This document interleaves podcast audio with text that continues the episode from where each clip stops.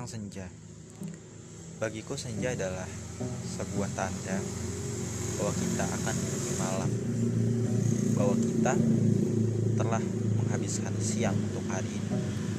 Kita telah berjuang seharian selama hampir lebih dari 12 jam dan kita mendapatkan hadiah matahari senja yang merah tapi lama kelamaan dia akan redup dan digantikan oleh bulan. Senja adalah waktu yang sangat indah penuh kenangan. Terlebih kalau kita memiliki seseorang di hati kita di mana pun kamu berada kalau kamu sekarang menikmati senja maka habiskanlah jatah senja itu sebelum kamu bertemu malam. Karena jika kamu bertemu malam. Maka berdoalah supaya kamu